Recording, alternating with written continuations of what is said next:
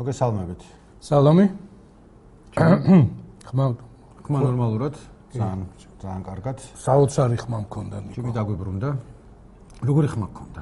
აი დაბალი ბანი. ხო, ისე ხო ვარ ტენორი და უცბად გავხდი ბარიტონი. მე მიყვარს ხოლმე ეგრე როცა ვარ, ძალიან ავად რო ვარ კი არა, ცოტა ავად რო ვარ და მაგ დროს თუ პოდკასტი რაღაცა მაქვს შესაძლებელი ბარი ვაით ის ხმით რაც გამარჯობა ძირფას მსმენელო. ძირფას მსმენელოს არ ვამბობ, მაგრამ იმდენად მქონდა ხმა შეცვლილი, რომ სტილის თათბირზე მითხრეს, რომ არ ღირს, ვერავინ ვერ მიხვდება, რომ შენ შენახა. ხო. და მეც არ მინდოდა ახლა მოსულიყავი აქ თქვენ არაფერს მეტყოდით და გაგიხარდებოდათ ვითომ მაგრამ ვითომ რას მოეთრეოდა ვირუსებს გადაგვდებს და ნამდვილად. შევიკავ. თან გამართლა ცოტა ხანი ჩაგანაცვლე როგორც ჩვენი კომენტატორები იყვნენ ქალბატონი ნინოთი იმიტომ რომ ჯიმის და ნიკოს შენობით მოგმართავენ ხოლმე მაგრამ ქალბატონი ნინო მაინც იმათ რა იციან? რა გიჟი ყავს ნინო. მაგრამ ნუ ეთერში ყოველთვის მოუხდა გადაცემას. კი მოუხდა გადაცემას. და ყველა ხალისობდა კომენტატორების და ისედაც ჩემხუბრებზე რა არის ძინის ხოლმე. ძალიან. ნინოს მიყავს ძალიან უაღრესად ძალიან სერიოზული გადაცემა, სერიოზული თემებით და არ შეუძლია ესეთ მნიშვნელოვან საკითხებზე ესეთ მსუბუქად და ირონიულად ილაპარაკოს შენგან განსხვავებით. შენგან განსხვავებით. ნამდვილად ესეა. თან დაემთხვა ისე რომ გავაკეთეთ გადაცემა თემაზე, რომელიც დაასწავლეთ, მოვლენებს დაასწავლეთ. და ყველამ დაიწყო. აო, მოსწავლეთა შეფასების საერთაშორისო პროგრამის იზას ესე იკითხება ნიტო? ისაც შეიძლება წარმოიდგინო. ხო. წარმოიდგინე. ამაზე ვილაპარაკებთ, მე უბრალოდ გამოაშკარავა, კი არ გიმავა. არ არა, რას ვამბობ, რომ ამაზე ცოტა ხანში გადავალთ მეთქი, მაგრამ აა საშინელი შედეგები გამოაშკარავა ნიკო. ხო და ეს რო დაიდო საშინელი შედეგები ის რასაც ვეჭობდით ცხადი ყოფილი რას ვეჭობდით ამაზე სტატია მაგ დაწერილი შაშკინი იყო ministri მაშინ მე შაშკინმა რა გააკეთა ხო აკრძალა ესა რა მაგარია ძალიან მაგრა გააკეთა და ეს შედეგების პრობლემა გადაიჭრა სხვათა შორის შაშკინის პერიოდი მახსოვს მე ძალიან მწარეთ აი შაშკინიდან არა მარტო ეს აკრძალა აი ის რომ სკოლები იქცა რაღაც შეუვალ ჩაკეტილ ციხეებად ბატონ შაშკინს უკავშირდება კი კი თავისი კაზაჩოკებით და იმეებით, პონჩოებით თუ რა ქვია იმას კლინტის სტუდი რო. ხო. ეგეთ ისინი მოწონს. თან. ლიმონი. ჯერ კიდევ ცოცხალია. ერთ დროს ლიმონი ვერავინ ვერ მიხვდება რომ ეს ლიმონი იყო.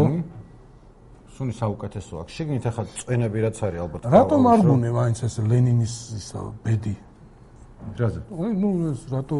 ნუ არ გადავაგდე და სანამ რატო არ დაუქვემდებარე ბუნებრივ ხრწნას, ასე ვთქვათ, ნიკო და რატო გადაწყვეტე მისი ესე არაფერი არ მიცდი ამის ფორმალინში ჩადება? დევში ხატა ხმება თავის ბუნების ბუნების შედეგია ეს.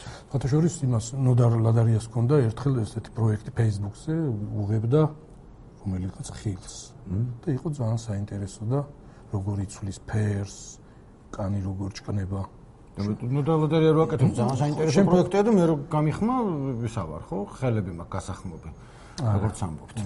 ვიდრე ჩვენ სიმაზე გადავიდოდეთ საკითხulis გააზრებაზე, პირველი თუ იცი ვინ არის ტაიმის წლის ადამიანი წელს? ხო, მომღერალი Swift-ი. Taylor Swift. ხო და მე ჩემ ჩემ გულში ვიხუმრე, რომ ესე იგი ჯონათან Swift-ი რამხილა წვეტა მაგ მეთქი. ხო, დიდი წვეტა. მეორე Swift-ია ჩემს იმაში. მე ნიკო და მოусმინე რაღაცებს და დიდად არ ჩამეთრია.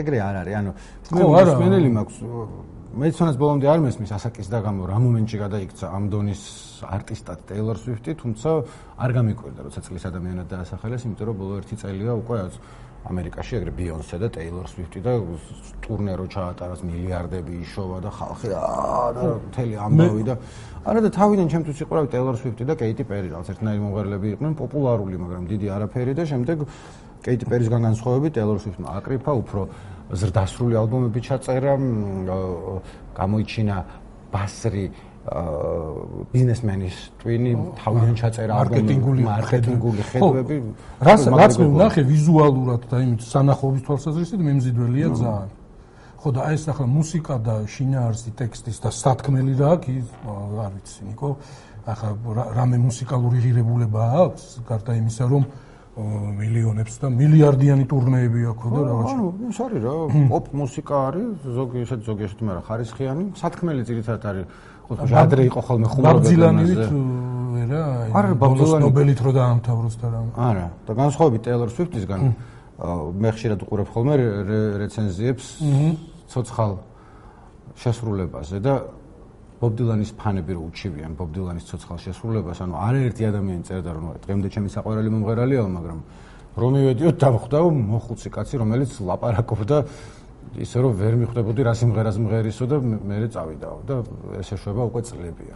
ახლა აბა რა უნდა თუ ვერ გავიდე? ზო ცოტა იმღეროს. არ შეუძლია.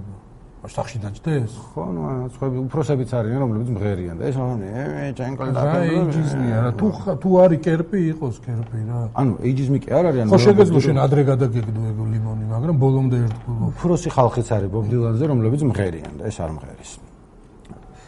მიჩინო გეკითხება ლაივია თუ არ არის ლაივიო? არ არის ეს ლაივი, მიჩინო. ეს არ არის ლაივი. და ნათანიელ კროუ შენ წერს რომ ბატონი ჯიმშერის სტატიებს ყოველთვის კითხულობდა თუ დამეხმარება სად შეიძლება მოვიძიო ქართული საბჭოთა კავშირის პოსტერები და ისტორია მათ ავტორებზეო. დიდი მადლობა წინასწარო. აი ახლა ინტელექტმა გამოსცა რაღაც 60 ლარისთვის თუ რაღაცა ციგნი არის, ციგში არის ეს ესე ქვია მონი საბჭოთა პლაკატი თუ რაღაც, მოკლედ შაქრო ბაბუარო არის აქ ბაკეში მაღაზი, აი იქ უეჭველად ეკნებათ. და არის ძალიან კარგი კრებული. თუ ეგ არის და თუ ქუჩაში ჩამოხსნილი პოსტერები გინდა და ზედი მიწერილი ინფორმაცია საიდან არის მოპოვებული ეგ უფრო რთულია. საბჭოთა რავი ახლა. იქ არის რაღაც კარგი. მისაღებია და მეორე ვიდრე გადავიდოდეთ აქვია მოსწავლეთა შეფასების საერთაშორისო პროგრამაზე გელამ გთხოვა რომელსაც გავხედე და წასულია რომ გინდა თუ არაო ახსენეთო არა დროშა რომელიც დაკიდენო გაინტერესებს რა დროშაზე ლაპარაკი? რა დროშაზე დაკიდენა? ჩვენ ულამაზეს დროშაზე, საქართველოს ეროვნულ დროშაზე, რომელიც დაიდგა ვარკეთილში, დაიდგა 18 მეტრიან ანზაზე. თვითონ დროშის ფართობი არის კაცო სხვაგან ჩავყურებ 55 მეტრის სიმაღლის ძალზე კიდია არ მაქვს მეც განსაზღვრული 55 რა 18 18 სართულიანი корпуსის ხე 55 მეტრი. ვაიმე რა ხელა ამზაყოფილა და ესე იგი 10-15-ზე 150 კვადრატული მეტრი ფართობი აქვს ჩვენს დროშას.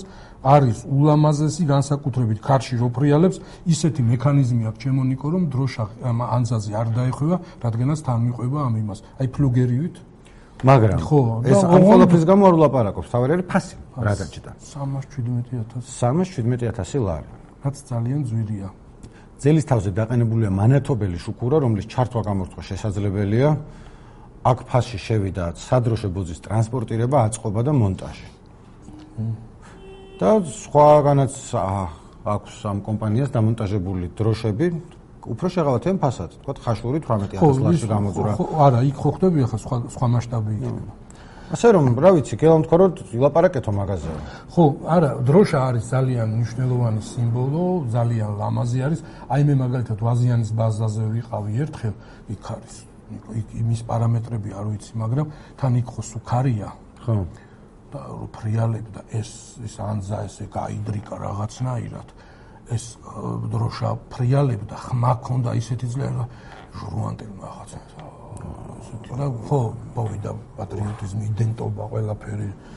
ხო, მაგრამ ნუ არ ვიცი, ამიტომ არის რომ კეთილდღეობა უნდა იყოს მაღალი, ყველა უნდა იყოს უზრუნველყოფილი და მე აღარ ის გაგვიკვირდება ეს ფასები და შეიძლება აღარ მოგვეჩვენოს. ა დარწმუნებული ვარ რომ აქ ახლა მართლა დაჯდა რაღაც ამის არ იქნება. შეიძლება ცოტათი გაბერილი, მაგრამ ეს იქნება რამდენი იქნებოდა ნორმალური? ხო, გამოკითხვაც არ დაიზარა გელამ და იქვე მოქალაქეების ჩაწერა და ბევრს საერთოდ გაუკვირდა როგორ დროშა რამე დაჯდაო ფასი და რამეო ეს ანუ ენთუზიაზმით ნუ ახლა ხო ხდები დროშა პატრიოტიზმი ჩვენ ქართველები და რაღაცა და ამ ამ კომპანიას უფასოდ ხო ვერ გააკეთებდა მაგრამ ნუ აი ვერავინ ვერ გაარტყა 317.000 ლარი დასახელდა რა ვიცი 300-დან 500-დან 30000-მდე, მაგრამ თლაც ახლა ჩვენი ნაირი ქვეყნისთვის უზარმაზარი თანხაა, ნიკო. ხო რა, ვარკეთილში, ანუ არ ვიცი, ვარკეთილის პრობლემებს ესე კარგად არ ვიცნობ. მაგრამ არწმუნებული ვარ იქ რო კითხო ხალხს რო თქვა 300000 რაში დავხარჯავდით, დროშა არ გაახსენდებოდა. დროშა არ გაახსენდებოდა. რა დროშა მოგცა ახლა მიშა მაგარა, ეს ვინ არის? კახამ? ვიცი, არ ვიცი რისი ბიუჯეტიდან არის. ეს არ იქნება ეს ადგილობრივი ბიუჯეტიდან, იმიტომ რომ ეს არის ქვეყნის ბიუჯეტიდან არის, იმიტომ რომ ეს რაღაც პროგრამა არის, ფოთი და ესენიც. რატომ რუსთავი არ არის? რადგან მარკეტილი ახლოს არის და რუსთაველები მარკეტილის დროშას შეცდებით ალბათ ალბათ. მოდი ისაქვთ გადავიდეთ ჩვენს ძირითად სალაპარაკო თემაზე რომელიც არის როსტალეთა შეფასების საერთაშორისო პროგრამის უახლესი კვლევა რომლის მიხედვითაც კითხვაში მათემატიკასა და საბუნების მეტყველო მეცნიერებებში 15 წლის ქართულ მოსწავლეებს კვლევაში მონაწილე ქვეყნების საშუალო მაჩვენებელზე დაბალი შედეგი აქვთ. განსაკუთრებით სავალალო შედეგი არის კითხვაში ვაქწერი, ანუ წაკითხულიდან აზრის გამოტანა, რომელიც 70 მეათე ადგილს ვიკავებთ 77-დან, 77-დან. და სხვაგანაც არ აქვს. ხო, არა, არა. და აღწერილი 2015 წლის მაჩვენებლებთან შედარებით შედეგები გაუარესებულია, მაგრამ შედეგები ყველასთან არის გაუარესებული ძირითადად პანდემიის გამო. შემდეგ ჩვენ ვთქვით განათლების სამინისტრომაც გააკეთა განცხადება ამასთან დაკავშირებით და მაგაში ეჭვმენებიც არავის არ ეპარება, რომ ყველა შედეგებია გაუარესებული და პანდემია მართლა იყო და ხო. მაგრამ ის რომ თავიდანვე ძალიან ცუდი ვითარება იყო და ეს ცუდი ვითარება არის საერთოდ სუთავიდან რაც მაგას ზომავენ ჩვენთან, მაგას არავინ არ დაობს. და აი როგორ რაღაცას ვფიქრობდი ჯიმი? როცა ამის შესახებ გამოქვეყნდა ცნობები, ანუ ნაწილობრივ ხალხი ხუმრობდა და მიმებს აკეთებდა, რაც ბუნებრივია, ინტერნეტში მაგას შვებიან ხოლმე და შემდეგ ვუყურებდი, რომ ყველა ცდილობდა აი როგორი წინასწარი განწყობაც აქვს, რომ რა პრობლემა არის თავარი სკოლაში, იმის მიხედვით ეჩვენებენ, რომ აი რის გამო ხდება ეს, ანუ ერთ-ერთი ვთქვათ, ჩემი მეგობრები რასაც წერდნენ იყო, რომ უამრავი ქართველი ბავშვი სკოლაში არის ან შეერიან ან არასათანადოდ იყვებება ან რაღაც არასაკმარისი საჭმელი აქვს და ნუ რას ისწავლიან ესეო. სხვები წერდნენ უფრო თქვა მემარჯვენე კუთხიდან შეიძლება რომ ნუ ეს არის არა იმის პრობლემა არის ღარიბი ქვეყნის და სანამ ეკონომიკა წინ არ წავა ამას არაფერი არ ეშველება ბევრი სხვადასხვა მოსაზრება მოვისმინე ამასთან დაკავშირებით მგონია რომ არც ერთი ცალკე აღებული პრობლემა არის მაგისი მიზეზი. ყველა ყველაფერი შეიძლება დაეთანხმოს. იგივე მოსწავლეთა ყვებას რაც შეეხება, მე მგონი რომ საშუალო საქმეა, აუცილებლად გასაკეთებელი საქმეა, მე როგორც გადასახადის გადამხდელი, რა ვიცი, ვითხოვ და სურვილი მაქვს რომ ჩემი გადასახადი სწორედ ბავშვების ყვებაზე და ჯანსაღყვებას მოხმარდეს, მაგრამ ისიც არ ამგონია რომ ყველა ბავშვი მასღარი იყოს, აქ რაღაც სხვა შედეგს მივიღებდით, იმიტომ რომ აქ ბევრი სხვა სხვა რაღაცა არის და ერთი ის რომ მსგავსი გამოკითხვები სტანდარტიზებული ტესტებთან სწორად ამბობ, ხო? ზომავს არა მაინც იმას რასაც ზომავს, არამედ იმას თუ ტესტი როგორ შეავსას. ხო, რომელიც ყოველთვის ცოდნასთან არ არის ხოლმე. ხო, მაგრამ ხო აქ ხო მაინც ერთ თანაბარ პირობებში არიან ჩვენი ბავშვები და სხვა ბავშვები და ისე და მაინც რაღაცა შესაქმე რო თქვა ზოგ ქვეყანას შეიძლება აქცენტი კონდეს გაკეთებული ამ ტესტის შევსებაზე. როგორც თქვა ზოგიერთი აზიის ქვეყანა უფრო გაწაფულები იყვნენ. უფრო გაწაფულები იყვნენ და ისინი ტესტის შევსებაში გაცილებით უკეთეს შედეგებს აჩვენებენ ვიდრე მაგრამ უყურე ნიკო ალბათ ეს ტესტის შევსების ის უნარები უფრო საჭირო არის მე აქ რის რას იკვლევენ რომ მე ეს რაც გამოადგება შემდეგ ცხოვრებაში. ანუ მაინც უნდა გადავეწყოთ ხო ისეთ იმაზე სწავლებაზე სადაც ამ ტესტებს და რაღაც მსგავს ამოცანებს იულად გაართმევენ თავს. თუ ეს მეરે წაადგება ცხოვრებაში, ხო? პირველი წელი არ არის, 10 წელზე მეტია, ხო, ეს კეთდება და რაღაცნაირად ეს ხო უნდა მოვერგოთ, შევიცვალოთ. ხო. რატო ეს ჩვენი ამართლებს და ჩვენი ბავშვები იმ ბავშვებზე მეરે უფრო რეალიზებული ხდებიან? რატო არ შევცვალოთ ჩვენ? არა, ხო, რაღაცა შესაძლებელია. ლავარი, კერო უფრო პრობლემა არ არის საერთოდ და დავიქეთ. აი, კვებასთან დაკავშირებით რა რაც თქვი ნიკო, კი შეიძლება ესეთი პირდაპირ კორელაცია არ იყოს, ახლა ხო ყველა ეს არის დანაკრებულია და შედეგი იფეთქა, მაგრამ ეს ამის მიღმა არის. წარმოუდგენელია ბავშვი შეერი იყოს და რაღაც პროცესი მიდიოდეს იქ პედაგოგიკური და ეს ნორმალური იყოს. ეს ყველა ვარიანტი აღმოსაფხვრელია, გავლენას იქონიებს თუ არა ამის შედეგებზე. კარგი, ის არის რომ მაგ საკითხთან დაკავშირებით თავრობა ხარ და იცი და გააქვს ეს შედეგები, ხელმოსაჭიდი შედეგები, ნაღდი შედეგები, რომ რაღაც რაოდენობა ბავშვებისა იტანჯება, ტანჯვა აშიმშილი სხვა რა არის, ხო? ხო. წარმოუდგენელი ამას შეეგუა. ხო და ეგ გასაკეთებელია და როგორც ვიცი, მან რაღაცები კეთდება, იმიტომ რომ ხო კითხულობდი არის ეგეთი არასამთავრობო ორგანიზაცია მშობლები განათლებისთვის, რომლებსაც ჰქონდათ ადვოკატირების კამპანია ჰქონდათ სკოლაში არაჯანსაღი საკვების აკრძალვასთან დაკავშირებით. ხო, რომლებიც როდის იყო 1-2 თვის წინ შეიძლება სტამეტის სამ განათლების მინისტრს შეხვდნენ ის დაპირდა რომ აკრძალავო და მართლა ერთი კვირის წინ თუ რამდენი ხნის წინ იყო აიკრძალა ეს არაჯანსაღი საკვების გაყიდვა სკოლაში. რაც კარგი ნაბიჯია, ანუ ბევრი ძანდი გამოხმაურება არ მოყოლია, მაგრამ Facebook-ზე რაც ვნახე, კამათიც იყო, რომ სწორია, არ არის სწორი ინდივიდუალური თავისუფლება, იქნება ბავშვი ჩიპსი უნდა რაღაცა, მაგრამ ჩემი აზრით ეგ საკითხი მაგის მიღმა, იმიტომ რომ ვინც დაინტერესებული მხარეები იყვნენ ამ ხრივ ანუ ორგანიზაციები, რომლებიც ამ თემაზე მუშაობენ, ყველა ამბობდა რომ სწორია, აგრე უნდა იყოსო და მე მაგათ ვენდობი ხოლმე და ამავე შეხვედრაზე როგორც წავიკითხე, ანუ მინისტრს უთქვამს, რომ ეხაო დამუშავების პროცესში არისო რამდენიმე მოდელიო სასკოლო კვების დანერგვისო. ოღონდ რთული საქმეაო ინფრასტრუქტურის მხრივო და 1-2 წელი დაჭირდება ალბათ. მაგრამ მუშაობთ. ახლა იცი რა არის? იოლი რა არის? იოლი არაფერი არის, მაგრამ მე ეს პრობლემათაც მიმაჩნია ახლა რაზეც ვიტყვი და იმას თუ ვაკეთებ და იმას თუ ასე ვთქვათ ვართმევთ საარჩევნო უბნების მოწყობა. აი სკოლა ყველა სკოლა არის ქცეული საარჩევნო უბნად და ჩართული არის ამ მანკიერ პოლიტიკურ პროცესში. ხო და რა იმის მოწყობა ადვილია და იქ გადამზადება ხალხის და ეს არაფერი არ არის ადვილი და ახლა კვების სუბიექტის და კვების იმის სქემის აწყობას მე მგონი არ უნდა იყოს ისეთი გადაუჭრელი არა გადაუჭრელი არ არის მე უბრალოდ ვამბობ ერთი წელი გონიურულ მაგ მიმაჩნია მე მგონი რომ მანამდე უნდა დაგვეწყო და ეს უკვე გადაჭრელი იყოს მაგრამ ნუ კაი ეხლა დაიწყეს მუშაობა ეხლა დაიწყეს და კი ჭირდება ერთი წელი რომ იქ რაღაცა განსაზღვრული იყოს ტენდერი არის რა არის როგორ და თანაბრად როგორ მოწესრიგდეს თორე? იგივე თქვა თბილისის მასშტაბით საჯარო ბაღებში. ყვების საკითხი არ ვიცამდენად გადაჭრილია მაგრამ ნუ არის რა ხა ბავშვი დამყავდა ბაღში და აჭმევდნენ რაღაცას.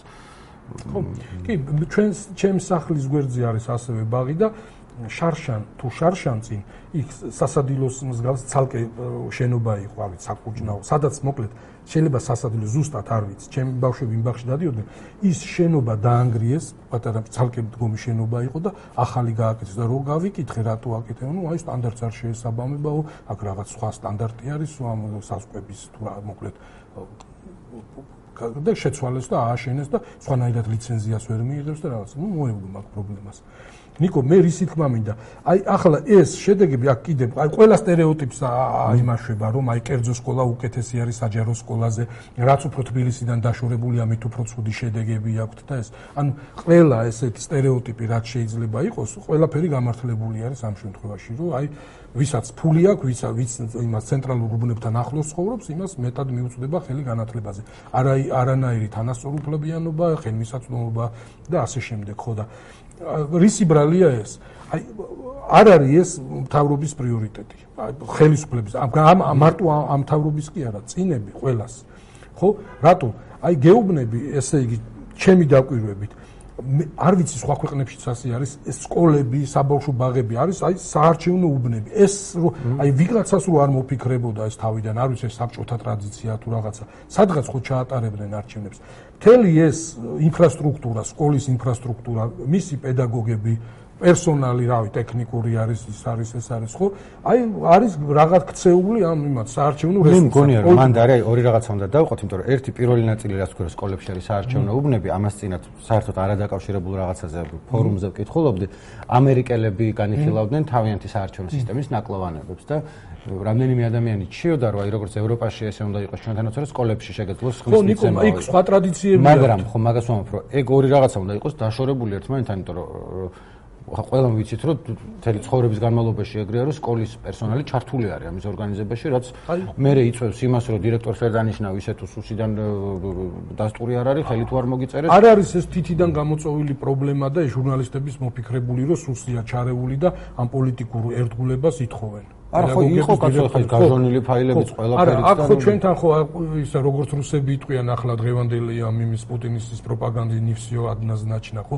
აქაც ხო ცდილობენ ეგრე რომ ეგრე არ არის ეს ის პოლიტიკური პოლიტიკურად ანგაჟირებული მედია ჟურნალისტები და სინამდვილეში ესე არის ხო?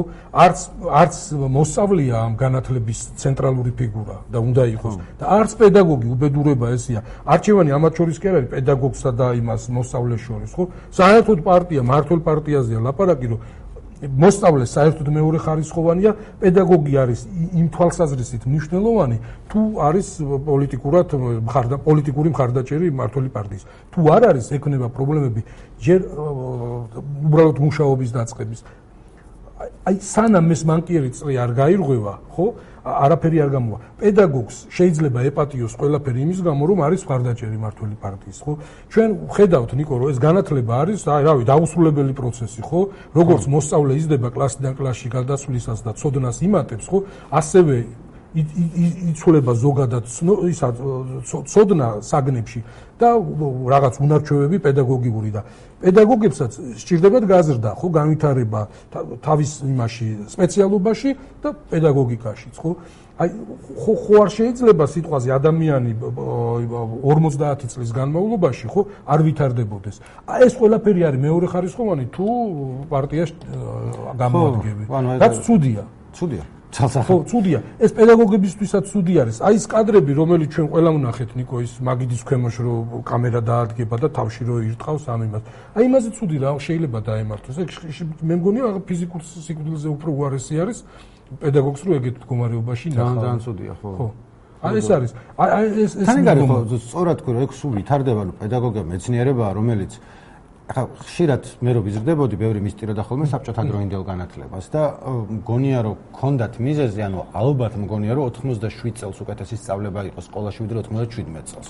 ობიექტური მიზეზების გამო და ნუ ომი და რაღაცა ყველაფერი. მაგრამ დღემდე როცა თქვა პრობლემის თაობა ამბობს აი მაშინ უკვე ეგ წავიდა და წავიდა ანუ ეხა უკვე 10 წლის წინანდელი მეთოდები მოძველებულია იმიტომ რომ სულ რაღაც ახალს იღებს სულ წინ მიდიხარ და მით უმეტეს რომ კონკურენცია გაქვს, როცა ყველასთან საერთოდ გარშემო და ვიღაცებთან იცი რომ ვერ დაეწევი გერმანიას, საფრანგეთს, მაგრამ მეორე მხრივ რაც უფრო ბევრს ჩამორჩები, მით უფრო დიდხანს ვეღარ დაეწევი მე. ეგ არის ყოველ წელს დაახლდებოდეს ერთი და მეორე რაღაცა საერთო გეგმა უნდა იყოს, რომელიც არის 10 წლიანი, 20 წლიანი, 30 წლიანი, არ არის მიბმული, რომ ქართული ოცნება იქნება სათავეში თუ ვიღაცა სხვა პარტია იქნება, იმიტომ რომ ეგ და ერთ-ერთი მიზეზი რის გამოც განათლება არ არის ხოლმე არავისთვის პრიორიტეტული არის ის რომ უფრო ადვილია რომ აი ეხა ამ წუთას მასწავლებელს გაუზარდო 200 ლარით რაღაცა ტრენინგები მოუმატო ან დააკლო მაგრამ რეალური რეფორმის შედეგი ჩდება რა ვიცი 10 წლის მერე 15 წლის მერე და უფრო ადვილია რომ რასაც შენაბაფე გააკეთო რომ დირექტორები რაც ანგარიშვალდებულნი იყვნენ პარტიასთან და მე არჩევნებში გამოიყენო. ხო, აი მე შეიძლება ღრმად არა ვარ ჩახედული ახლა ამ იმას განათლების პროგრამებში, მაგრამ ეს ის ისე დონეზე უნდა იყოს აყვანილი და ისე უნდა იყოს გაპიარებული, რომ ყველა მიცოდეს მარტო ჟურნალისტებმა კი არა, რიგითმა მოქალაქეებმაც, რომ განათლება არის პრიორიტეტი, რომ ახალგაზრდებმა უნდა მიიღონ განათლება საუკეთესო უნივერსიტეტებში და აი ეს აქ რო არის საბუნების მეტყველო მეცნიერებები, მათემატიკური მეცნიერებები და ეს უნდა იყოს როგორი პროპაგანდა ამის, იცი? აი ყველგან უნდა იგრძნობოდეს ესა. ახლა რაღაც იმაზე მუშაობდით თემაზე მე დაბიძინა და აი ეს ისა პირველი რესპუბლიკა, ხო? ნიკო წარმოუდგენელი ფინანსური პრობლემები ჰქონდათ და მილიონობით ის მანეთი გამოყვეს მაშინ და 1919 წელს საუკეთესო მოძებნეს ესე ვთქვათ ახალგაზრდები, სტუდენტები სტუდენტებიც არა, აი რა მოკლედ განათლებას მოწყურებული ადამიანები და გაგზავნეს ევროპის საუკეთესო უნივერსიტეტებში. ახლა რო ჩამოვთვალო აქ ისეთი სახელები და გვარები არის, ხო? წარმოიდგინე, ეს იყო პრიორიტეტი, ხო? აქაც ესე უნდა იყოს. აი ეს ხო გიზომავს არა სამ წელიწადში ერთხელ, ხო? რაღაცნაირად უნდა კონდეს დასახული, რომ აქ ლიდერებში იყო ლევან ვასაძეს რაღაც ვიდეო ის ქონდა, ბლოგი ქონდა ეს ჩვენი კონსერვატორი რო არის, ხო?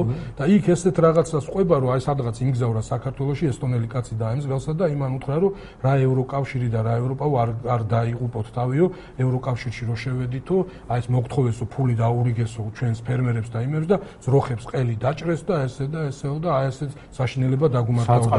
ესტონეთი ნახი აქა, ხო? წარმოიდგინე რა ის აქვს, პირველ და სამ ეულში შედის ყველა იმ იმაში, ხო და რანაირად, ხო? ეს წარმოუდგენელი ამბავი არის ეს რომ ყველა ქვეყანა რამდენი რესურსით? ხო აი კლასიკური ფეიკი და სინამდვილის დამახინჯება ხო ეს არ არის. შენ რო ამბობ ეს პედაგოგები საბჭოთა პერიოდს რო შევადაროთ სწავლების დონე და დღევანდელი მას ხო? ну ახლა უყურე როგორი რაღაცა არის ნიკო? ის იყო ფაქტობრივად აი მაღალი ტექნოლოგიების თვალსაზრისით ეს რაღაც თემურული წყობილება თუ რა ვიცი აი ნეოლითი და ძველი სამყარო იყო და ახლა ყველაფერი შეიცვალა. მე რომ მათემატიკას სწავლობდი, ჩემი მასწავლებელი აი ესეთ რაღაცას გთხოვდა, არა მხოლოდ გამრავლების ტაბულა და რაღაცა, ხო? აი რაღაც 100-მდე ხო, ყველა რიცხვის კვადრატი უნდა გწოდნო და ზეპირად, იმიტომ რომ იქ რაღაც მაგალითებს რო ამარტივებ, უნდა დაინახო ის, რომ ეს იმის კვადრატია და დაშლიშაც და გამარტივებისას გამოგადგება და უამრავ რაღაც ინფორმაციას იმახსოვრებდი ზეპირად. ამის საჭიროება იყო. აი ესეთი აკადემიკოსი იოფე იყო, სულ ეს მახსენდება ხოლმე ნიკო. მაშინ არ იყო კომპიუტერი და რაღაცა და იყო ლოგარითმული სახაზავი და ოთხნიშნა მათემატიკური ცხრილი. და რაღაც გამოთვლებს ვაკეთებდი, ხო? აი ლოგარითმული სახაზავი და ოთხნიშნა მათემატიკური ცხრილით იმაშვებოდი, ხო? და იმის გამო რომ დრო არ დაეკარგა შენ მოსწრებული ხარ ამ ოთხნიშნა მათემატიკურ ცხრილს, ეს ციგნი იყო, თხელი, ასე 100 რაღაც გვერდიანი. სულ რიცხვები, ხო?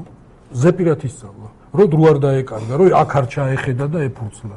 ხო და ახლა მაგის საჭიროება არ არის. მაშინდელი ესეთი ხუმრობა არის ალბათ ჩვენთანაც ეუბნებოდნენ, მაგრამ ეს ინგლისურენოვანი ხუმრობაა, რომ აი სკოლაში როგორ ეუბნებოდნენ, რომ ჯიბეში კალკულატორი ყოველთვის კარგდება.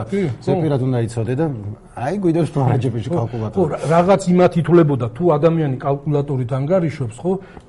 ახლა კალკულატორი არ შეიტანოთ, ხო, ხო, ხო, გახსოვს ესეთი ის იყო. ციგნში ჩახედვა არ შეიძლებოდა. ეს ახლა რა, როგორი რაღაც არის? აი თემები ხო გიწერია ქართულში? ბავშვი. ახლა ნუ ნიკო ის რო იყო ახლა გურამიშვილის შემოქმედებაში რაღაც ის პატრიოტიზმი და რუსთაველის ქალთა სახეები და ეს და უამრავი ციტატა რო იქ სასვენი ნიშნებით იმით ახლა ვერავინ ვერ აკეთებდა ამას ხო? ხო. რატო არ შეიძლება ჩახედვა? აი ახლა კარგი ესე რო დაწერ, აი ხო დაგიწერია ანუ ჟურნალისტთვის აი რა ვიცი მაგიდაზე წიგნი არეტევა ხოლმე რაღაც ორგვერდიან წერილს რო წერ იმდენ რაღაცაში გჭირდება ჩახედვა და არ არის ეს არ იყო სწორი ხო?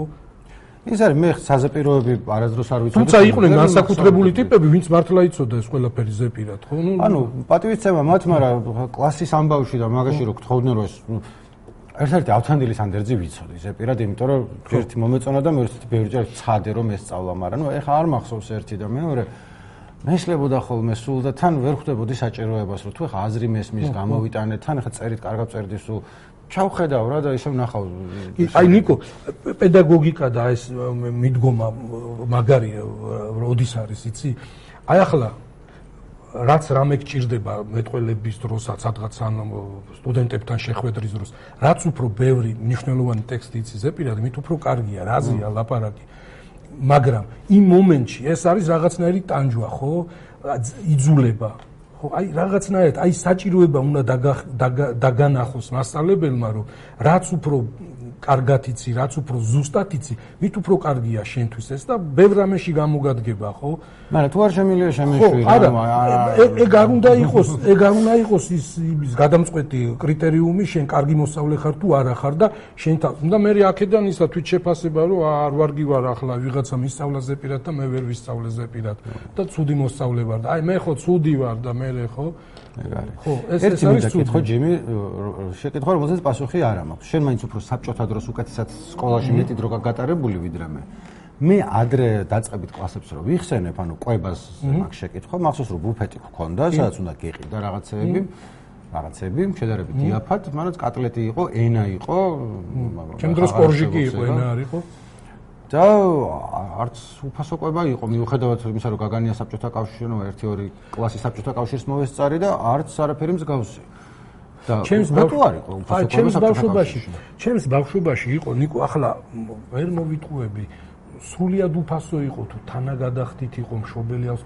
ესეთი ტალონები ქონდა ზედ ეხატა ესეთი მზარეული ამ იმითი რა ქვია რა მქუც მზარეულის ქუდი და რაღაცა და მიაწვდიდი ფულს არ აძლევდი იმას გამყიდველს თუ ვინ რა ერქვა სვეტადეიდა იყო ჩვენთან ის მოხევდა და მოგცემდა ძეხს და პურს გორჟიქს გორჟიკი ხო იცი რა?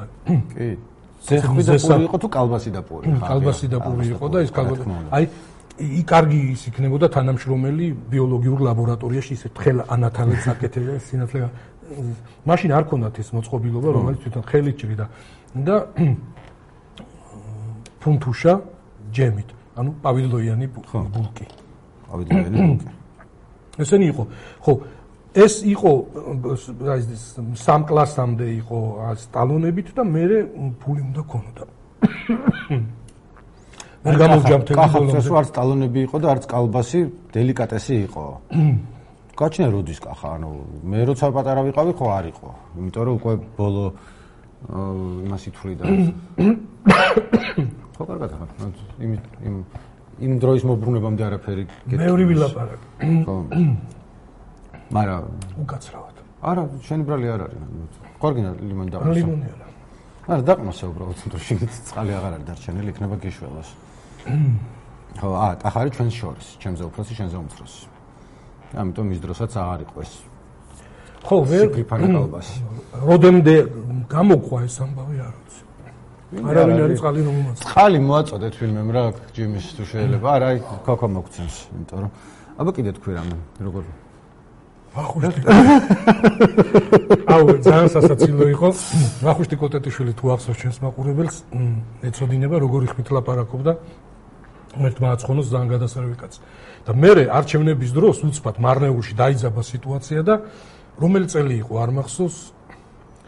უკვე ის არის ოცნება არის და ნაციონალებს აქვთ ამბიცია რომ ესენი უარგისებიან და უნდა მოუბრუნდეთ და მარნეულში რაღაც გაფუჭდა იქ ცუდი ის იყო.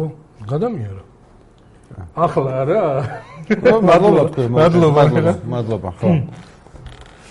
ჰმ იქო დაიძაბა სიტუაცია და ის მე შეიძლება ეს იქნება YouTube-ში ეს გიგი უგულოვა გამოვარდო და ახუშტი კოტეტიშვილის ხმით ჭუბა. ყველა წერლაო ეს. იქო ძალიან სასაცილო. მახსოვს ეგრეთ. გასაკეთე. გერთხელ მახსოვს ეს გიგი უგულოვაზე მე შეჭერ კიდევ უფრო აქტიურად იყო პოლიტიკაში ჩართული. პარლამენტის წინ აქციები იყო. მართლა ჩემი? წყალი. და მე ლაივი მქონდა დავდიოდი აქეთ იქიდან ვისაძლებდა მე ნამდვილ მედიებს.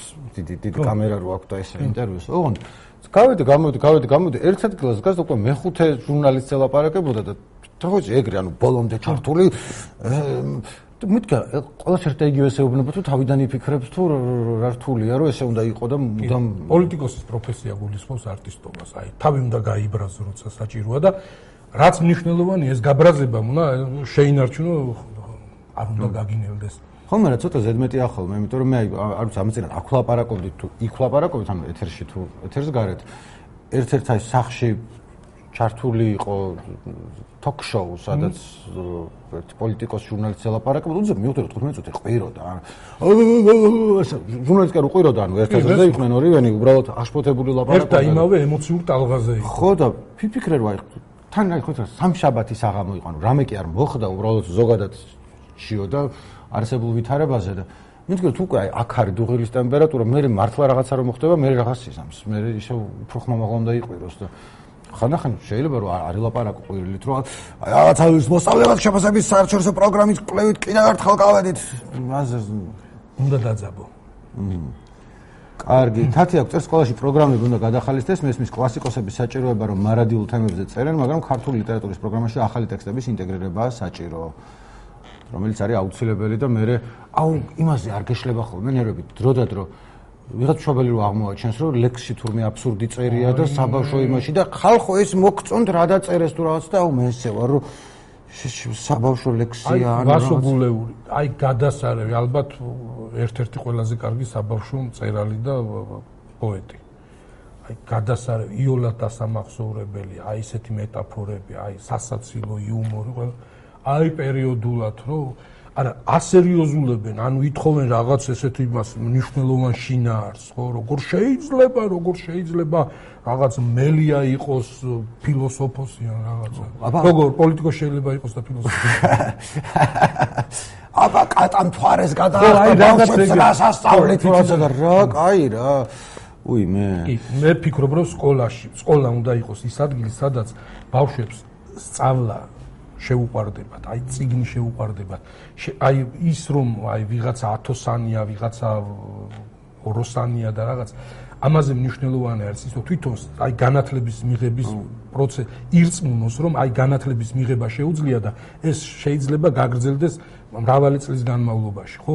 აი ჩვენ ახლა 90-იანი წლები ვინც გამოვიარეთ, ბევრს მოგვიწია პროფესიის შეცვლა და იმის გამო რომ ისეთი სკოლები ქონდა დამთავრებული, როგორიც ქონდა დამთავრებული, ხო, ძალიან გაგვიჭირდა აი ამ გადაწყობა, ხო. და ამ დროს სკოლა უნდა გაძლევდეს რაღაც ისეთ იმპულს, შენს თავში რწმენას, რაღაც იმ მეთოდოლოგიას, როგორ ისა არ დაასრულო ეს განათლება და მთელი ცხოვრება მისდევდი ამ თვითგანათლებას, ხო? არაფერი შეუძლებელი არ არის. აი ძალიან დიდი ესეთი стереოტიპი არსებობს, რომ მათემატიკა, აი განსაზღვრულია წინასწარ ვის შეუძლია მათ მათემატიკური ნიჭი არ აქვს. არ არსებობს. აი ერთი მათემატიკოსი არის, აღარ მახსოვს გან, მოკლედ რაღაც პოდკასტები აქვს და იქ მაგ მოსმენილია, სართულებად ხობს, ხო? პირველი სართული, მეორე სართული, მესამე სართული, მეოთხე სართული და ნუ რაღაც ეს 10 სართულამდე. მათემატიკა არის ძალიან ესეთი რთული მეცნიერება, მაღალი დონის ამოცანები სადაც არის. აი როგორი დონის, იცი? აი უმაღლესი მათემატიკის ზემოთ რაც არის, რასაც იმაში მათემატიკის ფაკულტეტზე ასწავლია, რომ დაამთავრებ და მე აი პროფესორია ვიღაცა. აი იქ სართულებს შორის ერთმანეთს ვერ გაუგებენ. დაბალი სართული მაღალს ვერ გაუგებს, იმდენად რთულია. მაგრამ პირველი სართული, მეორე სართული ყველა შეუძლია ისწავლოს. ეს არის პედაგოგის პროფესიონალიზმი. თვითონ საგნის წოდნა და ბავშვებთან ურთიერთობა. დააჯეროს ბავშვს რომ არაფერი ხანგრძლივი ძალისხმევით ყველა სწავლობს მათემატიკას მე მახსოვს ჩემი ტკივილი რომ მეოთხე კლასამდე ითვლებოდა რომ აუ ნერგაძე მაგარია მათემატიკური ტვინი აქვს თუ რაზე კარგად ვაკეთებ და დისკრიმინანტი რომ მანამდე მათემატიკა როცა დაიწყო მართლაც ელემენტარული. იმის მერე გავჭედე იმიტომ რომ ვერ მივხვდი რა პონტი იყოს საერთოდ. ანუ თქვა ფორმულებში ჩავსვამდი და მაგრამ რისთვის ვაკეთებდი აი რა რა ხდებოდა ოდნავაც ვერ ხვდებოდი და იმენად რომ მე რა თქმა უნდა მეშვიდე კლასთან მე რთულდება მართლა და ხო. მე საერთოდ ვეღარ გავიგე იმიტომ რომ რაღაცა მოქმედებები იყო რასაც მექანიკურად ვაკეთებდი ეგ მომენტია კარგმა აი თუ მოსწავლეების რაოდენობა იმდენი არის რომ მასწავლებელმა კარგმა მასწავლებელმა ყურადღება დაუთმოს მოსწავლეს არ არ გაიაროს არ ჩაიქნიოს ხელი ვერ გაიგო. არც მოსწავლემ ჩაიქნიოს არც მასწავლებელმა დაძლევენ. არ არის ისეთი რომ ვერ დაძლიონ მაგიტო არის რომ მასწავლებლობა საერთოდ სხვა რაღაცა ღვთიური პროფესია არის ეგეთი ძალიან ცოტა არის ექიმი მე იმას არ ვამბობ რომ აი სიტყვაზე ეს ელემენტარული მათემატიკა ქვია მაგას არის მე რომ აი ელემენტარული მათემატიკის სწავლა ყველა შეუძლია. მე იმას არ ვამბობ რომ აი ყველას შეძლებს რაღაც აი იმის დიდი მათემატიკური პრობლემების გადაჭრას. არა იმას ვერ გადაჭრის რა ვიცი მილიარდში ერთი ადამიანი მაგრამ ის რასაც ქვია ეს ელემენტარული მათემატიკა ყველა შეუძლია მაგის სწავლა. უბრალოდ აი ჩემს ბავშვობაში ესე იყო. განსაზღვრავდნენ ამას რა აქვს ნიჭი, ამას არ აქვს და დამთავრდა. გას გასაგებია რომ ვიღაცას განსაკუთრებული აქვს ნიჭი. მაგრამ აი როგორ გითხრა რა, აი ძალისხმევის ამბავია. ვიღაცა დახარჯავს. ეგრე. აი მე გიტარის დაკვრაზე მსმენია რომ ეხლა ჯიმი პეიჯი ვერ გახდები, მაგრამ რაც გიტარას დაუკრავ რა, თუ არ მსმენა არ ჭირდება და რაც თუ ივარჯიშებ, ბოლოს რაღაცას დაუკრავ და ვიღაცა ვინც უფრო ნიჭიერია, უკეთესად დაუკრავს, მაგრამ რაღაც ქალაქურ სიმღერებს ყველა ისწავლის ახლა ვიღაცა უკეთესად. მანანამ მოგწერო ტალონები იყო მაგრამ ფულს იხდი და მშობელი თვის დასაწყისში. ხო აი ზუსტად რომ მინდოდა რომ ეკაღმენიშნა კარგი. ივანე გწერს მათემატიკის მასწავლებელი მაბულინგებდა ცოლს რომ მოიყვანდა. ბაზარში წახვალთ ერთად მე შეგვწხვებაო ეგ ბულინგი არ არის სწორი უთქვამს ნინუ არ გაიცინებდა ახლა. არა საერთოდ არ გაიცინებდა. ხო და ეგ არის რამის ხარ გინდა ბოლოში ხო, არა, მე ვფიქრობ, რომ აი პრობლემა უკვე გამოკვეთილი არის, უკვე კი არა, მრავალი წლის გამოკვეთილი არის და კარგი იქნება თუ აი პოლიტიკური ხელისუფლებას და პოლიტიკური პარტიებიც ერთმანეთს შეეჯიბრებიან ისეთი პროგრამების წერაში, რომ აი მომდევნო 3 წლის გაფრინდება ეს 3 წელიც ნიკო და ცოტა უკეთესი შედეგები მაინც გქონდეს. ის არის წინა კომენტარებზე, წინა სერიის კომენტარებზე. ხო, გვიქნია აქამდე და წინასერის კომენტარებზე კითხეს რომ 60 დეციბელს რომელიც გუშინდავდეთ ახალი სერია ბეკა ქევანიშვილის კაი გამოვიდა ძალიან მოეწონა ყველას მაგრამ სად უნახო და რადიო თავისუფლებას ჟიჟა თუ შეხვალთ ეგრევე მარჯვნივ არის ბმული და შეხვალთ და ცოტა ხანი გავა და ახალი ბმულიც გამოჩნდება ვიღაცების ჯერ ჯერ არაფერს არ ვამბობ ჯერ მუშაობის პროცესშია მაგრამ გაოფლილი მუშაობის პროცესშია. მადლობა ვინც გიყურეთ კარგად იყავით შემდეგ ხუთშაბათამდე ნახვამდის